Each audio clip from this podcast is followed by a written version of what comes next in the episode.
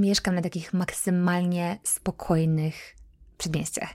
I um, pomyśl sobie o jakimś takim klasycznym serialu amerykańskim albo filmie, tylko nie o takim, gdzie jest jakaś naparzanka gangów, tylko właśnie rodzinka, która mieszka w spokojnej dzielnicy, no właśnie, dla rodzin z dziećmi. I tam właśnie teraz siedzę i nagrywam. I jest tu strasznie spokojnie. Ludzie leniwie sobie chodzą z psami, łowią ryby, e, jeżdżą na rowerach, i w ogóle domy są do siebie takie podobne, że kiedy się tu przenieśliśmy i pierwszy raz poszłam pobiegać na jakąś tam godzinę, to wróciłam po dwóch i pół, bo zupełnie straciłam rachubę i miałam pojęcia, gdzie jest moja chata. Mm, I któregoś dnia, właściwie z mroku, już po zmroku, biegałam sobie tutaj w okolicy i nagle z krzaków wyskoczył mi jakiś gość na wysokości marketu. Ja podskoczyłam, dostałam totalnego turbo doładowania i wzięłam chyba pierwszy wdech gdzieś po kilometrze i po tej akcji wróciłam do domu taka lekko roztrzęsiona mm, i miałam twarde postanowienie, że koniec, po prostu koniec z bieganiem po ciemku. Mm, jak widać nie tylko pumy są dla mnie zagrożeniem, ale też jacyś e, podejrzani ludzie i to jest dla mnie znak, że powinnam kupić bieżnię. I teraz trochę kontekstu. W Stanach możesz oddać wszystko. Mm, pomyśl sobie o czymś, czego um, myślisz, że nie da się oddać i się pewnie da. Można oddać, załóżmy, używaną patelnię, do której przykleił się kawałek jedzenia, e, a miała ona być nieprzywieralna. Możesz oddać maszynkę używaną i niewyczyszczoną, więc łatwo sobie wyobrazić. I tak samo właśnie można oddać choćby bieżnie. Nie trzeba podawać żadnego konkretnego argumentu, wystarczy coś w stylu I don't like it anymore i pójdzie. Nie y, musi mieć ten sprzęt żadnego defektu, a co więcej, w sklepie, w którym my często kupujemy taki sprzęt, opcja oddania jest bez limitu, Czyli nawet po paru latach możesz stwierdzić, że nagle już nie kochasz swojej bieżni i po prostu ją zwrócić. Mm, dlatego stwierdziłam, że okej, okay, w takim razie może dobrze byłoby też taką kupić. I na początku wybrałam taką zupełnie podstawową, no bo myślałam sobie, ach, no przecież nie potrzebuję żadnych bajerów, nie oszukujmy się, niech tylko działa i będzie w miarę stabilna. Ale mój mąż informatyk, gadżeciarz mówi, ej zobacz, ta jest taka, mm, ta jest taka fajna, ma jeszcze apkę e, i będziesz mogła sobie włączyć um, różne wizualizacje, że na przykład biegasz na Alasce, w Australii, no więc to mi totalnie podziało na wyobraźnię um, i mówię, okej, okay, dobra, w sumie i tak, jeżeli nie będzie się sprawdzać, to możemy oddać. Także niedługo później wjechała do nas do piwnicy taka właśnie bieżnia i na początku rewelacja. Ja byłam tak podekscytowana, że miałam ochotę biegać codziennie. Mogłam sobie włączać, jaką miejscówkę tylko chcę. Mogłam sobie biegać teoretycznie, kiedy chcę, tak? E, I korzystałam z tego aż w nadmiarze. Potem przyszedł taki okres stabilizacji. Dalej oczywiście z niej korzystałam, ale już nie byłam taka podjarana jak wcześniej. Aż w końcu zorientowałam się, że wszystko mnie w tej piwnicy wścieka. I na przykład zwisa nam z kabla z kabla, na kablu zwisa nam taka żarówka, taka pojedyncza, dyndająca jak w horrorze. Zaczęła mnie strasznie denerwować. Potem y, dostrzegłam, że gdzieś tam w drugim kącie piwnicy są jeszcze nieprzebrane zabawki dzieci. I też ciężko mi się było skupić na tym bieganiu. Nie, żebym była jakąś pedantką, ale po prostu coraz więcej rzeczy przestało mi się podobać w tym koncepcie mnie biegającej na bieżni w piwnicy. I skończyło się to tak, że zima jeszcze nie minęła, a ja z powrotem już biegałam po zmroku na dworze. I bieżnia wróciła y, tam, skąd przybyła. I teraz, co to jest za historia? Poza tym, że to jest historia o bieżni, jako bieżni bieżni, mm, to jest też historią o bieżni hedonicznej. A bieżnia hedoniczna to jest coś, co odczuwa absolutnie każdy z nas w przeróżnych sytuacjach. I nawet jeżeli nigdy się na bieżnię nie weszło, ani się z własnej woli na nią nie wejdzie – i ona będzie jednym z paru motywów, które chcę dzisiaj poruszyć, i mam nadzieję, że to wszystko złoży nam się w odcinek o dobrostanie, czyli można powiedzieć, że o szczęściu, o tym, co robi szczęście, co tego szczęścia nie daje i co można by zrobić, jeżeli czuje się deficyt. Także zaczynamy.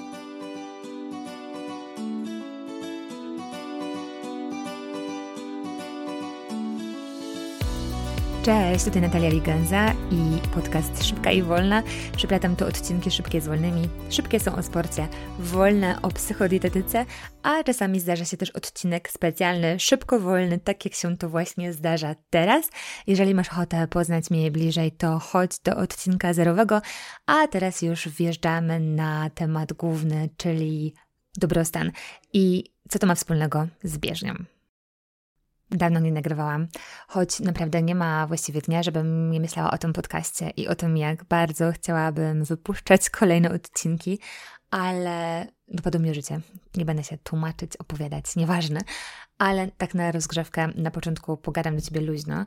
I mm, z tym odcinkiem, który dzisiaj nagrywam, było tak, że ja się czasami zafiksuję.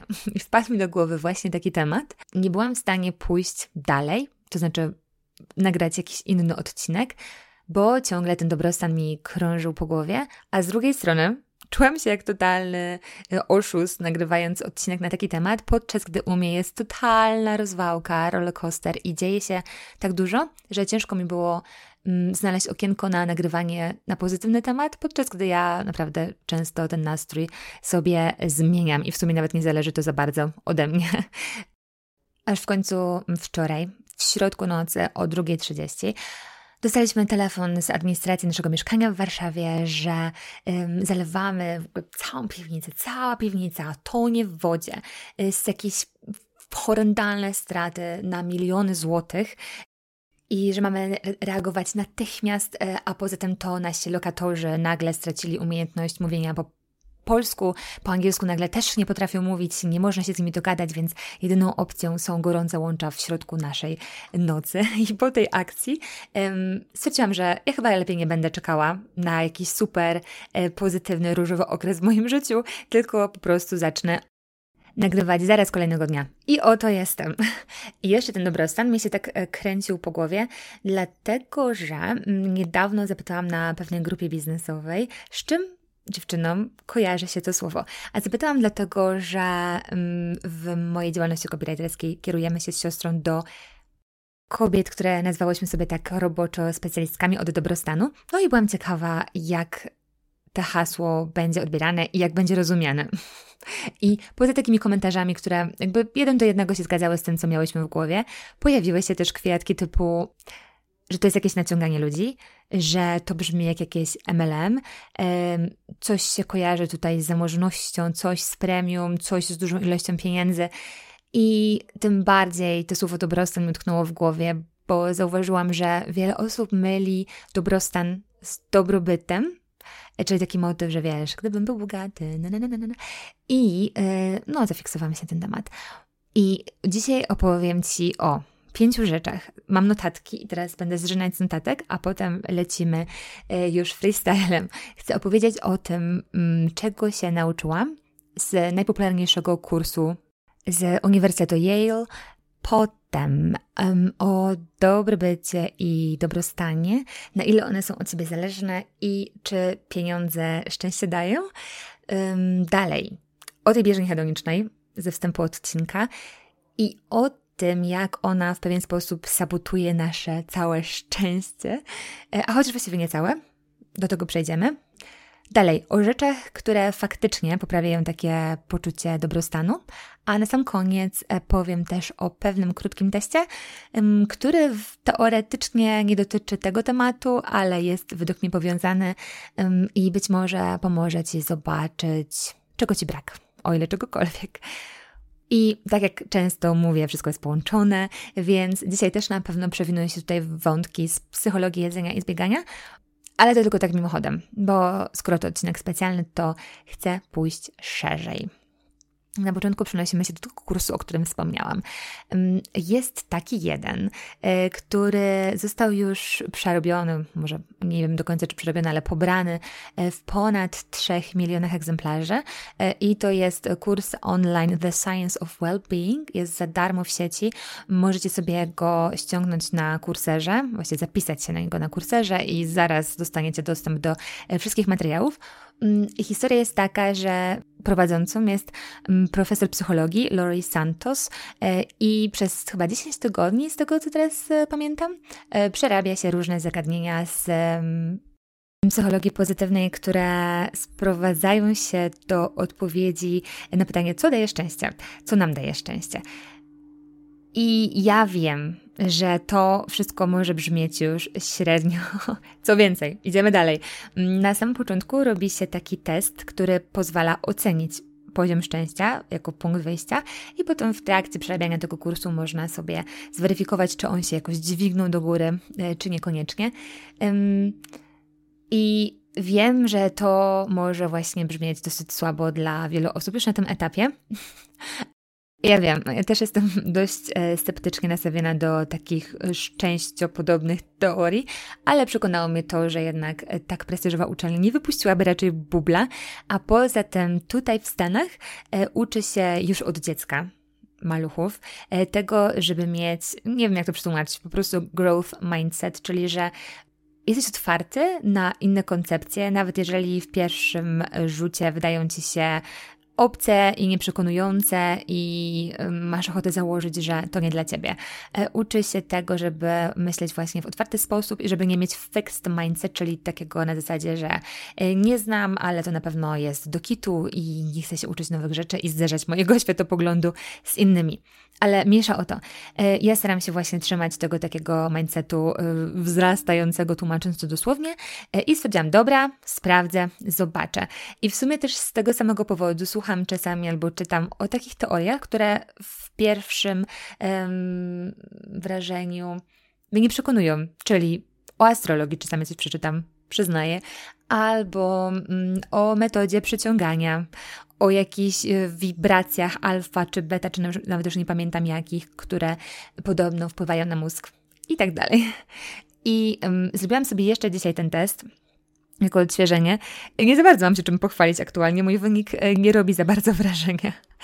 Jest to 6 na, na 10 i um, zrobiłam po to, żeby przypomnieć sobie, jakie punkty um, są tam brane pod uwagę i co się składa na taki wynik, który nazywa się w skrócie PERMA. E, I to są tak, pozytywne emocje, e, potem jest zaangażowanie, relacje, znaczenie, a właściwie to raczej takie mm, poczucie sensu. Osiąganie, zdrowie, negatywne emocje, samotność. Mm, I każdy z nich ma tam swój współczynnik, składa się to na ogólny wynik. I można się zastanawiać, czy szczęście da się w ogóle policzyć. To jest taka trochę, wydawałoby się, pojechana koncepcja, ale okazuje się, że po części tak. E, I jestem ciekawa, jak myślisz, ile procent szczęścia zależy od ciebie? Na ile masz na to wpływ? Bo są takie teksty, że szczęście zależy tylko od ciebie, że szczęście jest w tobie, że wszystko zależy od ciebie. No więc udowodniono, że jest tak: 40% zależy od ciebie, zależy od nas, 50%, czyli kawał, to jest genetyka, to jest nasza osobowość, i ewentualnie jakieś takie genetyczne przypadłości albo i błogosławieństwa, które przekazują nam e, nasi przodkowie, a 10% to są okoliczności. I my będziemy się przyglądać tym 40%. Ale na początku bieżnia. Są takie rzeczy, mm, co do których wydaje się nam, właśnie z dzieckiem nam wydaje się, że nas e, trwale uszczęśliwią.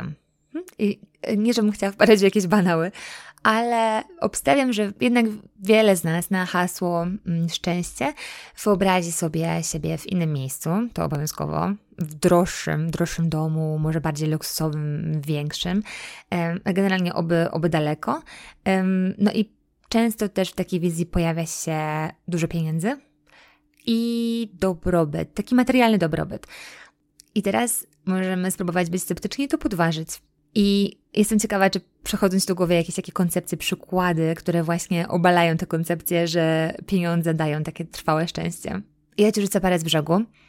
Po pierwsze, mam co najmniej paru naprawdę dzianych znajomych, którzy są okrutnie samotni wśród gwiazd, Ileż razy zdarzały się jakieś samobójstwa, depresje, jakieś dołki i zawsze świat jest zaskoczony, kiedy okazuje się, że ta dana osoba ogłasza, że tak naprawdę od dawna się boryka już e, z mocnymi spadkami samopoczucia i musi brać leki, żeby w ogóle być w stanie na przykład wyjść na scenę albo pójść do pracy, albo spotkać się z fanami i tak dalej. Poza tym lotto.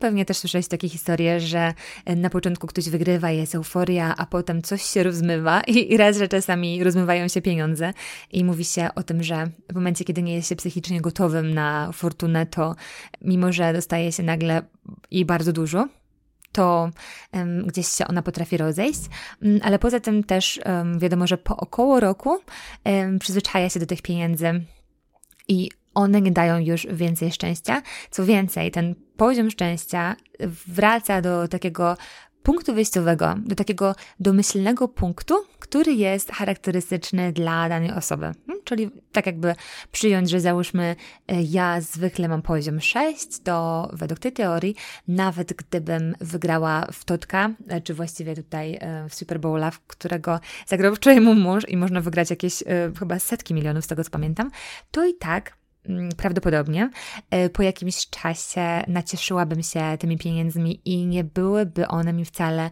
e, żadną gwarancją tego, że będę szczęśliwsza niż byłam wcześniej. Oczywiście to też zależy, nie? Bo można się zaraz szczepić, że e, są przecież osoby, które żyją w takim ubóstwie teraz, że taki zastrzyk pieniędzy drastycznie by poprawił ich sytuację, ale mówię o takiej zupełnie standardowej, przeciętnej historii. I miałam też namiastkę tego w Stanach, bo tutaj jest łatwiej pod kątem materialnym, tak znowu, zazwyczaj. Um, wiele osób, które tutaj przyjeżdża, y, nie chcą wracać właśnie dlatego, że nie ma się co oszukiwać materialnie, jakoś o pieniądze jest łatwiej. Zazwyczaj na więcej się stać, wykonując podobną pracę, jak załóżmy w Polsce. I to sprawia, że nad pieniędzmi nie trzeba się aż tak dużo zastanawiać, ale po jakimś czasie, mimo że y, to był duży plus i mocno zmienił y, życie mojej rodziny, to i tak y, zaczęły mnie denerwować inne rzeczy, które wcześniej gdzieś były zepchnięte na drugi plan, a potem w momencie, kiedy przywykłam, że mamy tych pieniędzy więcej niż w Polsce, tak w, w ostatecznym rozrachunku, to straciły one um, trochę na mocy. Ja nie chcę przez to powiedzieć, że pieniądze nie dają szczęścia, chcę tylko powiedzieć, że udowodniono, to nie jest tylko moja koncepcja, że jest tylko pewien poziom, do którego pieniądze faktycznie poziom szczęścia podnoszą. I dla każdego on będzie inny, wiadomo, um, ale jest. I kiedy wychodzi się wyżej, to bardzo często zaczyna brakować zupełnie innych rzeczy, tych niematerialnych i tych, których kupić się nie da. Jeszcze taka jedna rzecz, która mi przychodzi do głowy. Mieszkając, zwłaszcza w Warszawie, otarłam się o taki bardzo bogaty światek, jeżeli tak mogę powiedzieć, i zazwyczaj osoby wysoko postawione płacą też odpowiednio wysoką cenę do tego, że no właśnie, że są tak wysoko, więc ceną jest y, koszt taki psychiczny, to, że y, mamy na sobie ogromną odpowiedzialność, że polega na nas wiele osób, że często jest się na pierwszym planie, na froncie, że już nie wspomnę o wolnym czasie. I wiele z y, tych osób już tego przywykło, wiele się w tym nawet całkiem dobrze odnajduje. Ja miałam z tym problem. I Pamiętam taką jedną z rozmów e, z moim ówczesnym szefem, e, taką wiecie, rozmowę rozwojową, podczas której um, on chciał poruszyć temat mojego awansu, a ja powiedziałam, że ja nie chcę awansu. Powiedziałam, że w momencie, kiedy pójdę na to oczko wyżej, to cena, jaką będę musiała zapłacić za tę karierę, będzie jeszcze wyższa niż ta, którą płaciłam obecnie, która już była dla mnie wysoka. I to właśnie jest jeden z przykładów tej bieżni hedonicznej, a ona, tak mówiąc e, zupełnie mało profesjonalnie, a bardzo patologicznie, e, polega na tym, że w momencie, kiedy oswajamy się już e, z czymś, co na początku było dla nas fantastyczne, to im dalej w las, tym ta przyjemność e, czerpana z danej rzeczy, z danego doświadczenia jest mniejsza. I dokładnie tak samo działa to na przykład w, w zakupach. E, jak są osoby, które kupują bardzo dużo rzeczy, to wiedzą pewnie dobrze o czym mówię, że za każdym razem E, ten efekt nowości bardzo szybko opada i ma się takie poczucie wręcz sanie, jeżeli to już jest uzależnienie, że trzeba kupić jeszcze więcej, trzeba kupić jeszcze to, a jeszcze nie mam tego i to się nigdy nie kończy, a to uczucie niedosytu się pogłębia. Właśnie dlatego, że szybko adaptujemy się do tych nowych rzeczy i do szczęścia, które dają te nowe rzeczy, bo one tak naprawdę nie są w stanie zagwarantować szczęścia długotrwałego. Mm, identycznie działa też jedzenie. I e, w momencie, kiedy weźmie się już na przykład taką zupełnie oklepaną czekoladę, to przyjemność z jedzenia 20 kawałka to już nie jest to samo, co przyjemność e, z jedzenia pierwszego kawałka. Ten pierwszy zawsze smakuje najlepiej. E, ja też tak mam z kolą, rzadko piję kolę, ale czasami jak jestem na maksa spragniona, to mam dużą ochotę na kolę no na szyjkę z coli. Tylko taką ilość jak szyjka z coli. I czasami jest tak, że kupuję sobie całą butelkę i wypijam sobie tylko dwa łyki i zakręcam to kole i trudno. Jak mój mąż będzie chciał, to wypiję do końca. Ja już nie chcę. Mi wystarczą te dwa łyki i wiem, że każdy kolejny y, raz, że nie będzie przyjemny, a dwa, że w pewnym momencie może nawet sprawić, że będzie nie wiem, bolał mnie brzuch. Ja naprawdę chyba nigdy w dorosłym życiu nie wypiłam tej półlitrowej coli. I są takie rzeczy, od których oczekujemy, że nas uczęśliwią. Pozostając w klimacie psychodietetyki, chudnięcie. Wiele osób ma taką wagę, o której się myśli, że w momencie, kiedy się osiągnie, to nagle wszystko się ułoży, życie się zmieni, a większość problemów po prostu puf i, i ich nie będzie. A potem ten, kto doszedł do tej wagi, wie, że w momencie, kiedy się schudnie, to jedyne, co się zmienia, to się zmienia waga. Jasne, można mówić, że zmieni się też forma, że poprawi się forma, o ile schudnie się w zdrowy sposób. Może się też trochę poprawić samopoczucie, ale wiele rzeczy zostaje nieruszonych i to, że na wadze widzimy mniejsze cyferki, nie zmieni ich. Mnie też, kiedy byłam młodsza, to miałam taką swoją wagę, na którą się totalnie zafiksowałam i uznałam, że jak już uda mi się ją osiągnąć, to będzie coś. I doszłam do niej tylko raz w życiu, ogromnym kosztem, chorym kosztem. I pamiętam, jak pusta się czułam w momencie, kiedy, okej, okay, dobiłam do niej, nie wybuchły fajerwerki, nic się nie wydarzyło, a co więcej, potem wiele jeszcze się posypało. Oczywiście to nie jest wina wagi, tylko tego, co zrobiłam, żeby do niej dojść i tego, że w pewnym momencie po prostu tego było za dużo i przytłoczyło mnie. Oczywiście jojo pojawiło się bardzo szybko e, i tak się dzieje w wielu innych historiach, dlatego że poleganie na tym, że jakiś jeden czynnik, jeden zakup, jedna historia, e, jeden cel zmieni nasze życie i wszystko już będzie dobrze, jest po prostu taką totalną udą jeżeli masz wrażenie, że mówię teraz o tobie z tą wagą, to najlepsze, co możesz sobie zrobić, to rozpoczęcie bycia sobą, bycie taką osobą, jak chcesz, już teraz, nie czekając na tę wagę. No, to nie znaczy, że nie możesz do niej dążyć.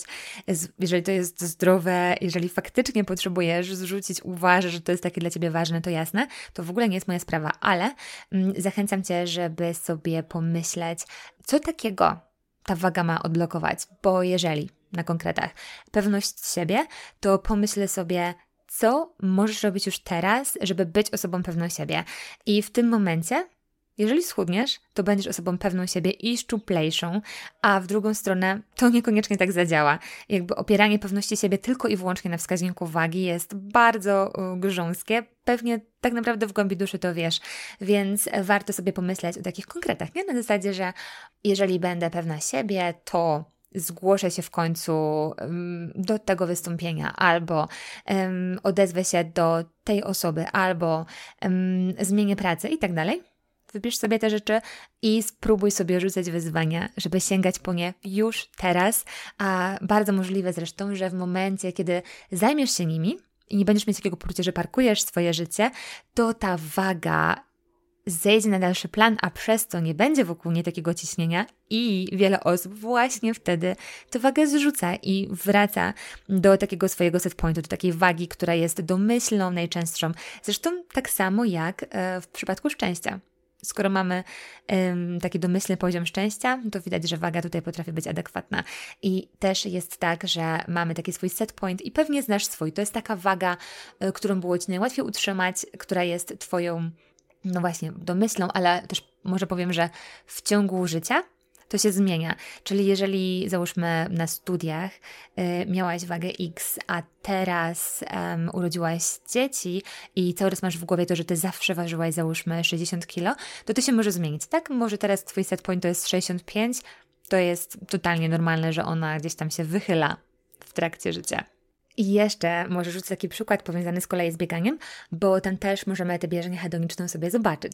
E, raz, że ta historia, którą podam na początku jest e, całkiem pasująca, ale też na przykład, patrzcie, taka klasyka, że mm, biega się dla wyniku i chce się cały czas więcej, tak? To jest taka historia, która się nie kończy, bo w momencie, kiedy się zrobi życiówkę, to zawsze można ją jeszcze wyżyłować, i też napatoczą się osoby, które mają tę życiówkę o wiele lepszą, więc tak naprawdę można bez tego znowu zrobić projekt na całe życie pod tytułem y, szybciej i lepiej y, i wyżej w kwalifikacji.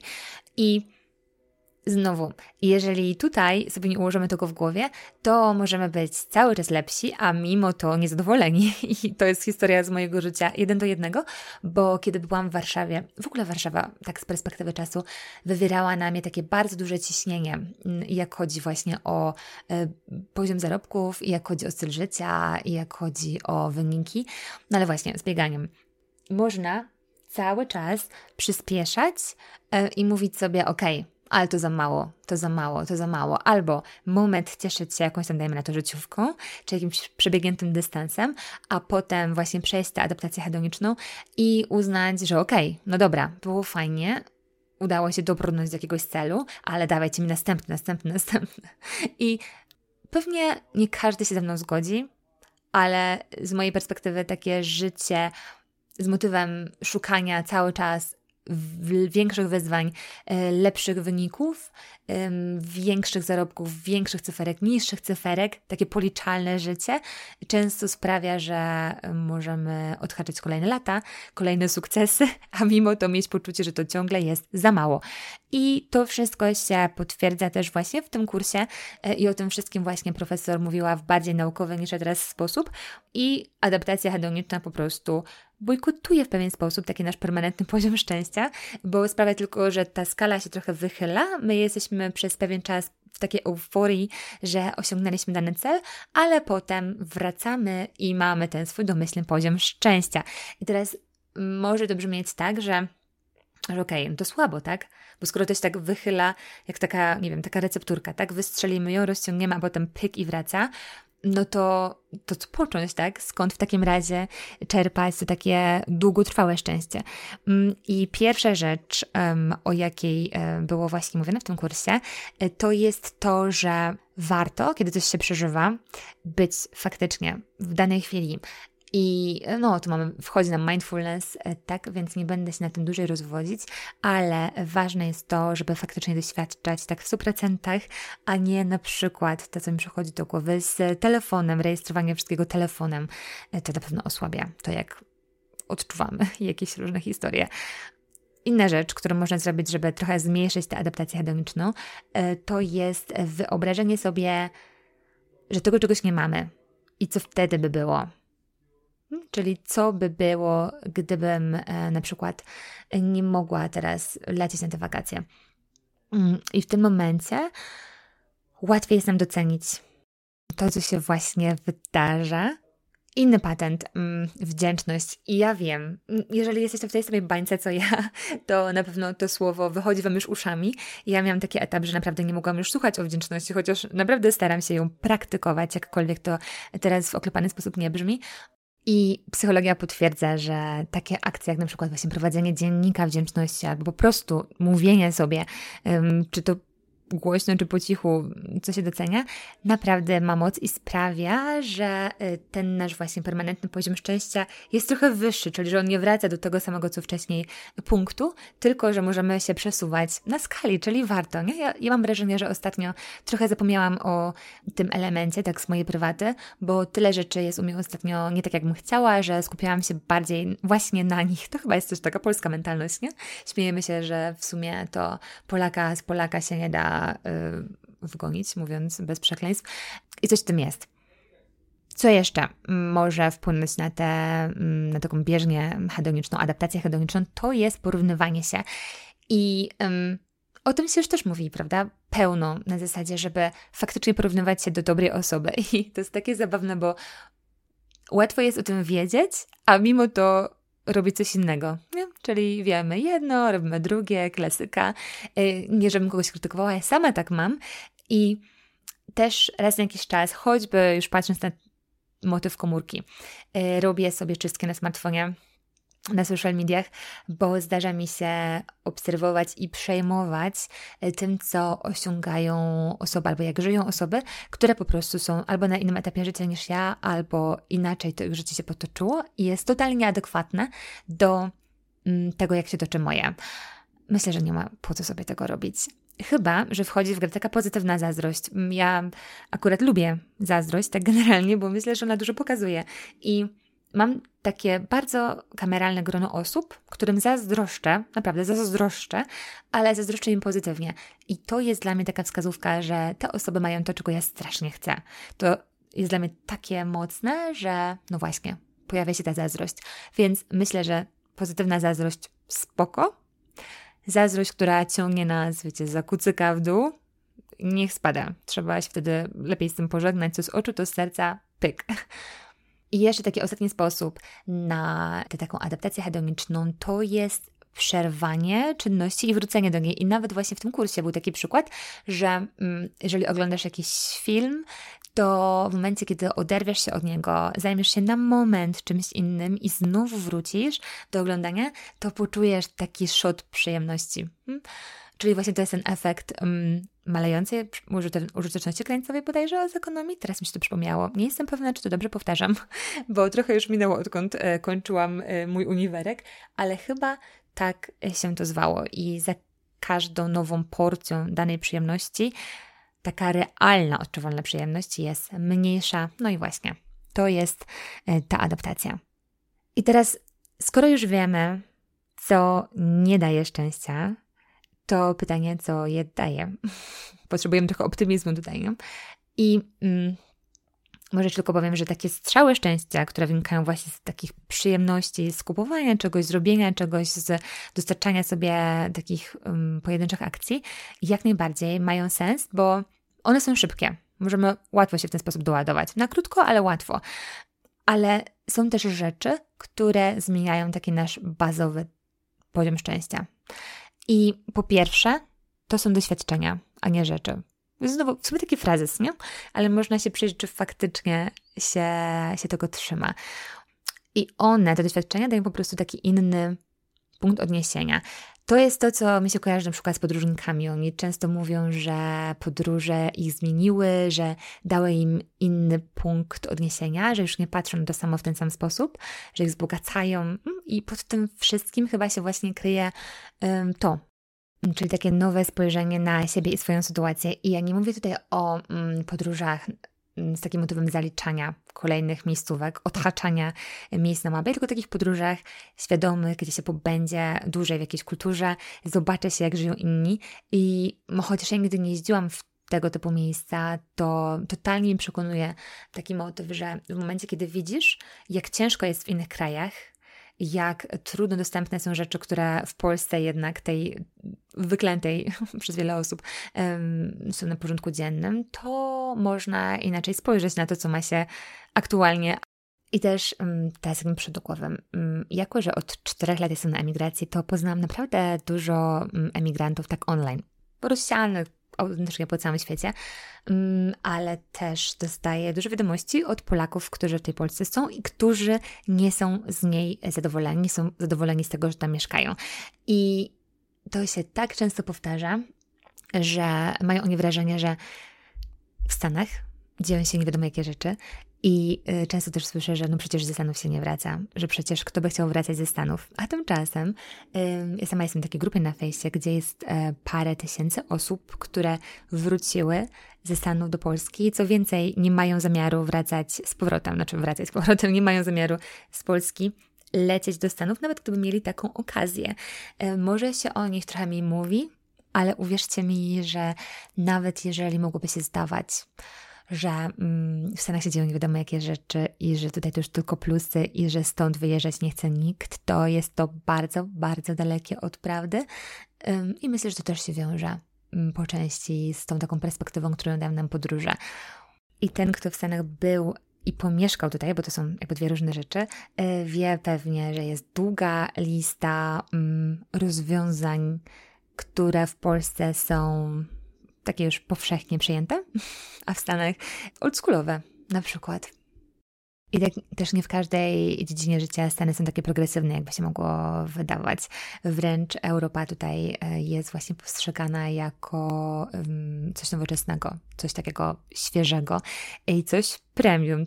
Więc e, czasami te nasze kompleksy, które wynikają z tego, że jesteśmy Polakami że jesteśmy z Europy, są zupełnie niesłuszne, bo Amerykanie są w dużej mierze zafascynowani właśnie Europą i ten taki przymiotnik, że coś jest europejskie, europejskiej jakości, europejskiego, z europejskim designem, to jest plus. Ok, to co jeszcze poza y, przeżyciami i doświadczeniem? E, na poziomie pracy wiadomo, że więcej szczęścia daje takie zajęcie, które pozwala ci wykorzystać swoje mocne strony, które pasuje do ciebie, mówiąc tak ogólnie, e, niż um, zajęcie, które daje ci dużo pieniędzy w dłuższej perspektywie czasu. E, ja ostatnio w markecie na kasie, znaczy na kasie obok, słyszałam rozmowę e, przedszkolanki e, z, z kasjerką, weszło właśnie na pracę i przedszkolanka powiedziała, że jej praca jest wykańczająca, but rewarding. I powiedziała w taki sposób, że ja prawie się wzruszyłam trzymając to moje sushi, bo w ogóle tak dalej zamiast lodami składam się sushi, bo ciągle, ciągle jeszcze jest u nas um, gorąco. Wiesz, co jeszcze poprawia ten taki wskaźnik szczęścia? E, zajęcia, które dają ci uczucie flow. Mam nadzieję, że wiesz, jak to jest te flow mieć. Jeżeli tak, to dobra wiadomość jest taka, że flow w pracy czy też generalnie flow, e, daje więcej korzyści, jak chodzi o poczucie szczęścia, niż znowu takie pieniądze, tak nominalnie ujęte pieniądze. Jeżeli nigdy nie, nie poczułaś jeszcze flow, to poszukaj sobie naprawdę takich zajęć. Mm, one się często wiążą z zajęciami, które wymagają skupienia, które są twórcze, ale nie tylko, bo można poczuć flow też w trakcie biegania. Y, w trakcie biegania, w trakcie wędrówki, w trakcie generalnie ruchu, ale też dajmy na to w zajęciach kreatywnych. Ja czuję flow w pisaniu bardzo często i wtedy macie takie poczucie, że ktoś dyktuje słowa, że y, nie trzeba w ogóle pić, nie trzeba wstawać z tego krzesła, y, w ogóle świat nie istnieje. Nagle człowiek się orientuje, że gdzieś za oknem jest burza, albo że mm, jest już zupełnie ciemno ciemno, a my siedzimy po ciemku. I tak właśnie działa flow. Trochę tak odcina i dzięki temu jest bardzo uszczęśliwiające po prostu. No, kocham mieć flow. Jeżeli się tego jeszcze nie doświadczyło, to bardzo warto sobie próbować różnych rzeczy i zobaczyć, kiedy e, to flow nas e, dopadnie. Każdy ma swoje momenty. Dalej nastawienie. Nastawienie do życia jest w stanie trwale poprawić nasz poziom odczuwanego szczęścia. I e, już wspomnia, o tym wspomniałam, że e, chodzi o, chodzi o ten mindset taki stały versus mindset, powiedzmy, że otwarty. Nie wiem, jak to dobrze przetłumaczyć. Czyli nastawienie otwarte na różne idee, nastawienie, że nie tylko ja mam rację, e, taka otwartość sprawia, że czujemy się lepiej i też mamy więcej okazji, nie? W momencie, kiedy tak się zamkniemy i stwierdzimy, że tylko to, co jest mi znane, jest jedyną prawdą, to często rezygnujemy z jakiejś opcji, żeby przeżyć coś nowego, żeby poznać kogoś nowego, żeby pójść w nowe miejsce, bo zakładamy, że to i tak y, nie ma sensu i nam się nie spodoba. A czasami właśnie okazuje się, że jest totalnie odwrotnie. Czas wolny. To znowu w kontekście pracy. Więcej szczęścia ta praca, która, ok, daje przyzwoitą kasę, ale też e, pozwala mieć ten czas na życie, niż taka, która da nam fortunę, której tak naprawdę nie jesteśmy w stanie spożytkować, albo na którą nie mamy już siły. Ciekawa jestem, czy też masz w swoim otoczeniu takie osoby, które wkręciły się w, wiesz, pomnażanie tych pieniędzy, mają ich coraz więcej i siedzi im w głowie jakiś cel, na które te pieniądze są im potrzebne, ale często okazuje się, że nie mają już sił, ani czasu, ani już tego entuzjazmu, żeby faktycznie korzystać z tego, co te pieniądze mogą, mogą dać.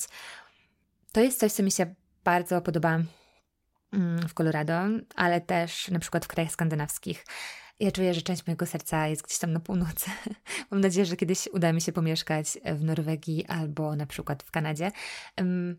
I teraz tak, e, chodzi mi o to, że te miejsca, które wymieniłam, cenią sobie bardzo taki balans i jest kładziony duży nacisk na to, żeby, wiesz, chodzić na zewnątrz, czerpać z natury, e, żeby mieć e, sporo wolnego czasu i żeby odpoczywać nie tylko raz w roku na dwu, trzytygodniowych wakacjach wyczekanych przez, przez cały rok, tylko żeby dostarczyć sobie takich mniejszych skoków tej energii.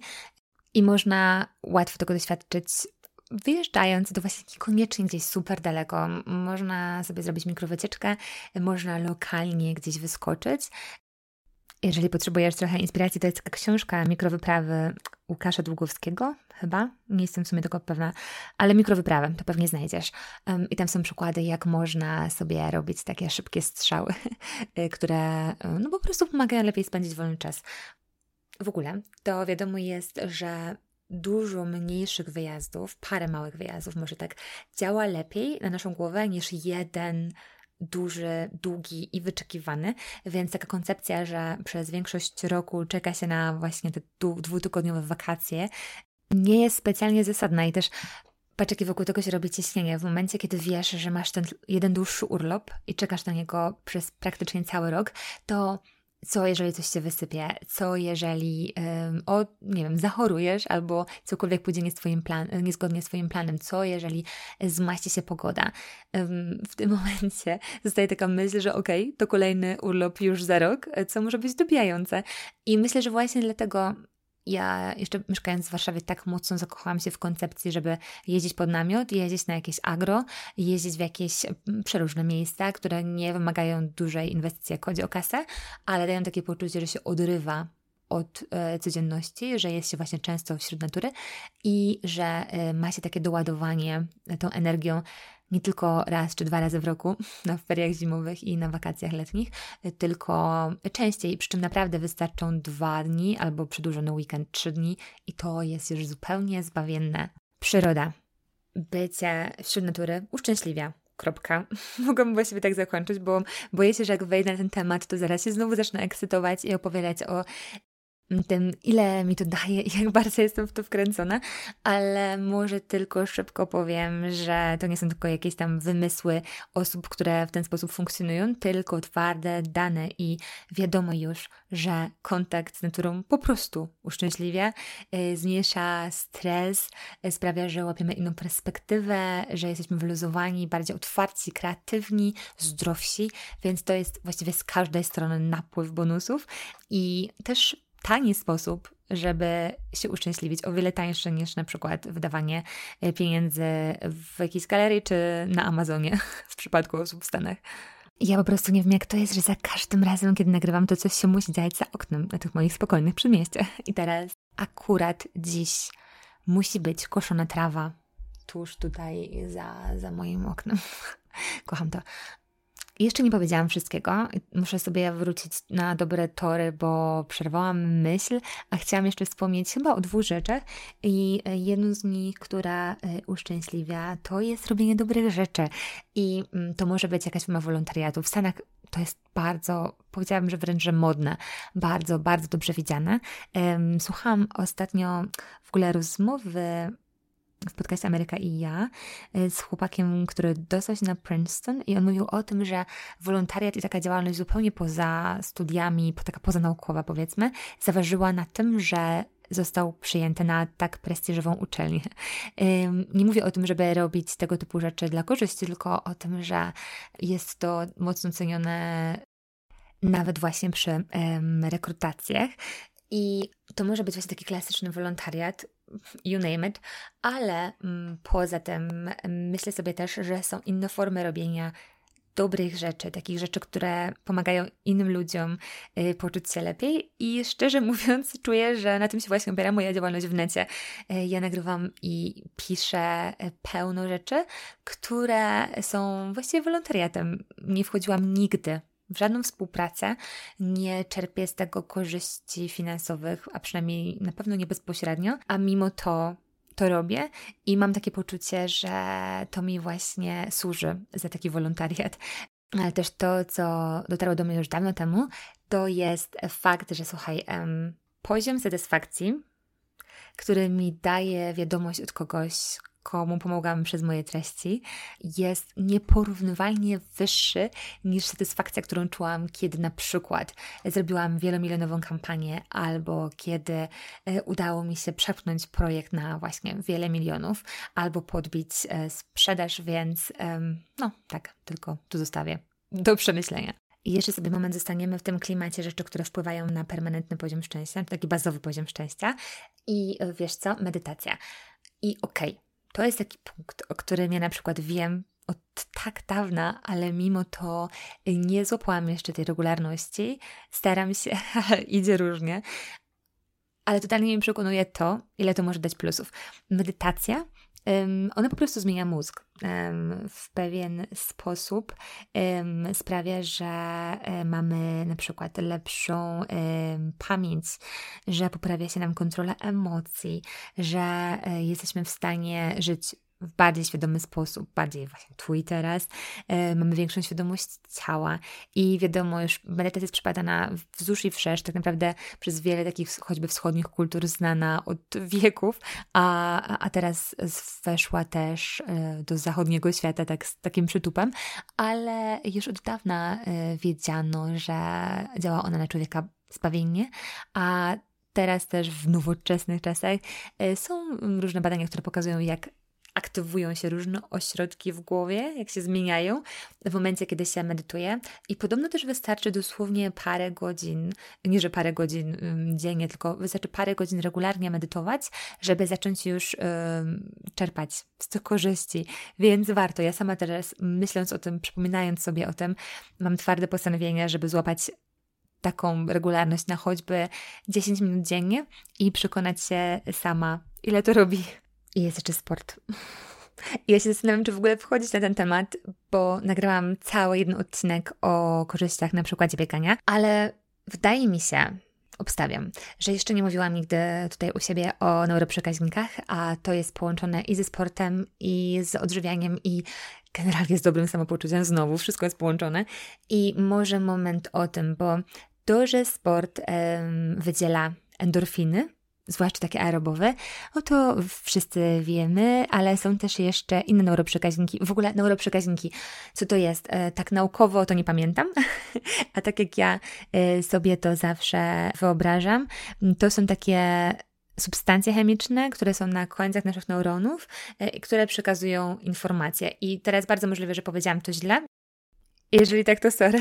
Sprawdźcie sobie, poklikajcie sobie, jeżeli jesteście ciekawi um, tych takich chemiczno-biologicznych aspektów um, tego tematu. Ja tylko tłumaczę to tak, jak ja to rozumiem, ale to, co jest najważniejsze, to to, że neuroprzekaźników jest ok, kilkadziesiąt, ale jest parę takich kluczowych, najczęstszych, które też z nazwy na stówę znacie y, i one właśnie są zależne od między innymi sportu i wpływają na samopoczucie, więc znowu mamy ten element y, szczęścia i y, dobrego nastroju, ale takiego rozumianego jako coś dłuższego, a nie odczuwanego przez moment.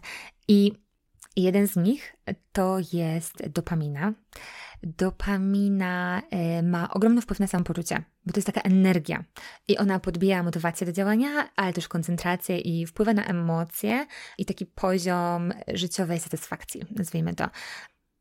I ona ci się może też kojarzyć z uczuciem zakochania, bo wydziela się właśnie w początkowej fazie fascynacji i sprawia czasami, że takie racjonalne myślenie jest wyłączone na pewien okres czasu. Mm, I produkcja Dopaminy można sobie wspierać, na przykład dostarczając małych przyjemności, albo spotykając się z ludźmi, otaczając się muzyką, spędzając czas na zewnątrz, robieniem rzeczy, które, które sprawiają e, satysfakcję. Te wszystkie rzeczy sprawiają, że e, ta pozytywna chemia rusza do góry. E, I co ciekawe, też dieta ma znaczenie to znowu w sumie nic odkrywczego, nic co by Cię zaskoczyło, bo, bo warzywa, owoce i nieprzetworzone jedzenie, ale też taki składnik, który nazywa się tryptofan. On też wpływa e, na serotoninę i mm, znajduje się w rybach, w mleku, w awokado, w produktach sojowych i peskach dyni, jeszcze w paru rzeczach, których teraz tak z głowy nie pamiętam. I w momencie, kiedy mamy niski poziom dopaminy, to możemy czuć taki spadek energii, e, niepewność, e, podatność na trudne emocje. I to też często prowadzi do zajadania smutków. Inny taki bardzo neuroprzekaźnik to jest serotonina. On jest mocno energetyzujący i, i znany jako hormon szczęścia. I on też reguluje nastrój, a co więcej wpływa też na apetyt i rozkład doby bo jeżeli wszystko jest w porządku, to wspiera dobry sen i y, zasypianie. A tak na poziomie diety to mm, raz, że ten tryptofan, o którym już mówiłam, a dwa, że produkty, które zawierają witaminę B, czyli te wszystkie takie mm, typu ciemne pieczywo, brązowy ryż, e, grube kasze, orzechy ym, i słońce, naturalne światło, właściwie tyle. No i są też właśnie te rozreklamowane endorfiny. One tak naprawdę mają zadanie redukować e, odczuwalny ból e, i dlatego też wydzielają się na przykład podczas e, porodu i łatwo się od nich uzależnić, co sprawia, że sport w dużej ilości może być ryzykowny i opowiadałam o tym w poprzednim odcinku, jeżeli macie ochotę. Ale też poza sportem możemy podbić sobie endorfiny przez relaks, śmiech, przebywanie na słońcu, i chyba tyle na ten moment pamiętam w kontekście endorfin. Jest jeszcze GABA. I GABA z kolei, ona jest taka mocno relaksująca i e, wiadomo, że yoga to jest sport aktywność, która pomaga GABę wydzielać e, i GABA działa tak hamująco, uspokajająco, więc e, pomaga się skoncentrować. Mm, już jest dostępna jako suplementy, ale nie jestem pewna, czy są przebadane. Jakiś czas temu, kiedy o tym czytałam, to jeszcze było to w fazie testów. I yoga, mm, ta jej formuła, to, że właśnie się skupia na oddechu, to, że jednocześnie jest ten ruch, e, czasami spokojniejszy jak przy jodze, a czasami jak przy asztandze, bardziej intensywny, to robi znowu dobro i robi szczęście. I tak zupełnie na deser tych rzeczy, które uszczęśliwiają, to jeszcze sen. W drugą stronę, że jeżeli mamy niedobór, to włączają się różne stany przeddepresyjne i depresyjne i nie widzimy rzeczy jasno. I tu już zakończę tę taką wyliczankę pod tytułem um, o czym myślimy, że nas uszczęśliwi, a co uszczęśliwia ludzi naprawdę. Więc może tak szybko podsumuję, żeby to zebrać, a na Koniec Ci powiem o jeszcze jednej rzeczy, którą warto sobie sprawdzić, e, więc e, wiemy, że 40% szczęścia zależy bezpośrednio od nas, czyli dużo w naszych rękach. I teraz są rzeczy, o których myślimy, że nas uszczęśliwią, a niekoniecznie tak działają. I to jest wysokopłatna praca, posiadanie dużej ilości pieniędzy, różne dobra materialne typu luksusowe dobra, drogi samochód, ale też wspaniałe ciało, jakaś konkretna sylwetka, e, czy dobre stopnie, o tym nie wspomniałam, a to też jest coś takiego.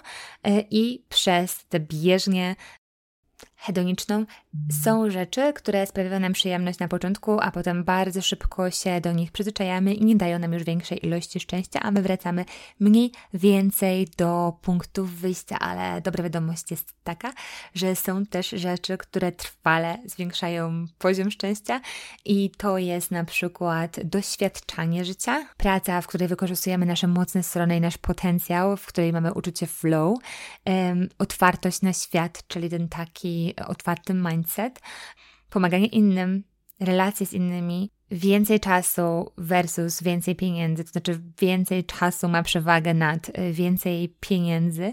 Sport, mindfulness, czyli na przykład medytacja, ale też yoga i dobry sen. Okej, okay, tak mówię, o tym gadam, a myślę, że możesz mieć poczucie, że w sumie to nie masz pojęcia, jak to się ma do ciebie i skąd ty masz wiedzieć, czy czujesz te szczęście, czy nie. I a, Zanim Ci powiem o jednym miejscu, gdzie możesz sobie jeszcze poklikać, to e, przypomniało mi się, że jest test, który pozwala ocenić poziom neuroprzekaźników. Wiadomo, że to jest bardzo orientacyjne, ale e, na ten moment lepszych jeszcze nie ma. Nazywa się to testem Bravermana. Możesz sobie wyklikać, jest za darmo w necie dostępny. Odpowiadasz sobie na x pytań, nie zajmuje to dużo czasu i dzięki temu być może sobie zobaczysz, których neuroprzekaźników e, u Ciebie mm, może nie, że brak, ale które są w jakimś dysbalansie. Zawsze to jest jakaś wskazówka. A oprócz tego jest jeszcze takie ćwiczenie, które pomoże ocenić, w której, powiedzmy, kategorii życia e, czegoś ci brakuje. W ogóle to jest taki e, model szczęścia, cebulowy model szczęścia. E, opracował go Polak, ale nie pamiętam, jak miał nazwisko. W każdym razie, mm, według tej teorii, są takie trzy warstwy, które decydują o dobrostanie. I pierwsza warstwa, czyli taki środek, środeczek tej cebuli, to są to odczucia genetyczne i one są najbardziej stabilne i często nieuświadomione, um, więc możemy to przenieść na te takie 50%, o których mówiłam, tych, które są w nas trochę zaprogramowane i ciężkie do ruszenia. Dalej Kolejna warstwa cebuli według tego modelu to jest ogólny dobrostan psychiczny e, i on się wiąże z okolicznościami życiowymi, ale w umiarkowanym stopniu. Jest związany z taką subiektywną oceną mm, tego, na ile Twoje życie ma sens, na ile wysoka jest jego jakość a zupełnie zewnętrzna warstwa jest najbardziej zależna od zmiennych czynników. Mm, I to są takie czynniki jak jakieś tam akcje w rodzinie, e, to co się dzieje na polu zawodowym, e, tego typu rzeczy. E, I jeżeli chcesz sobie ocenić tę zewnętrzną warstwę cebuli, to możesz sobie zrobić ćwiczenie, które nazywa się koło życia. Pewnie je znasz.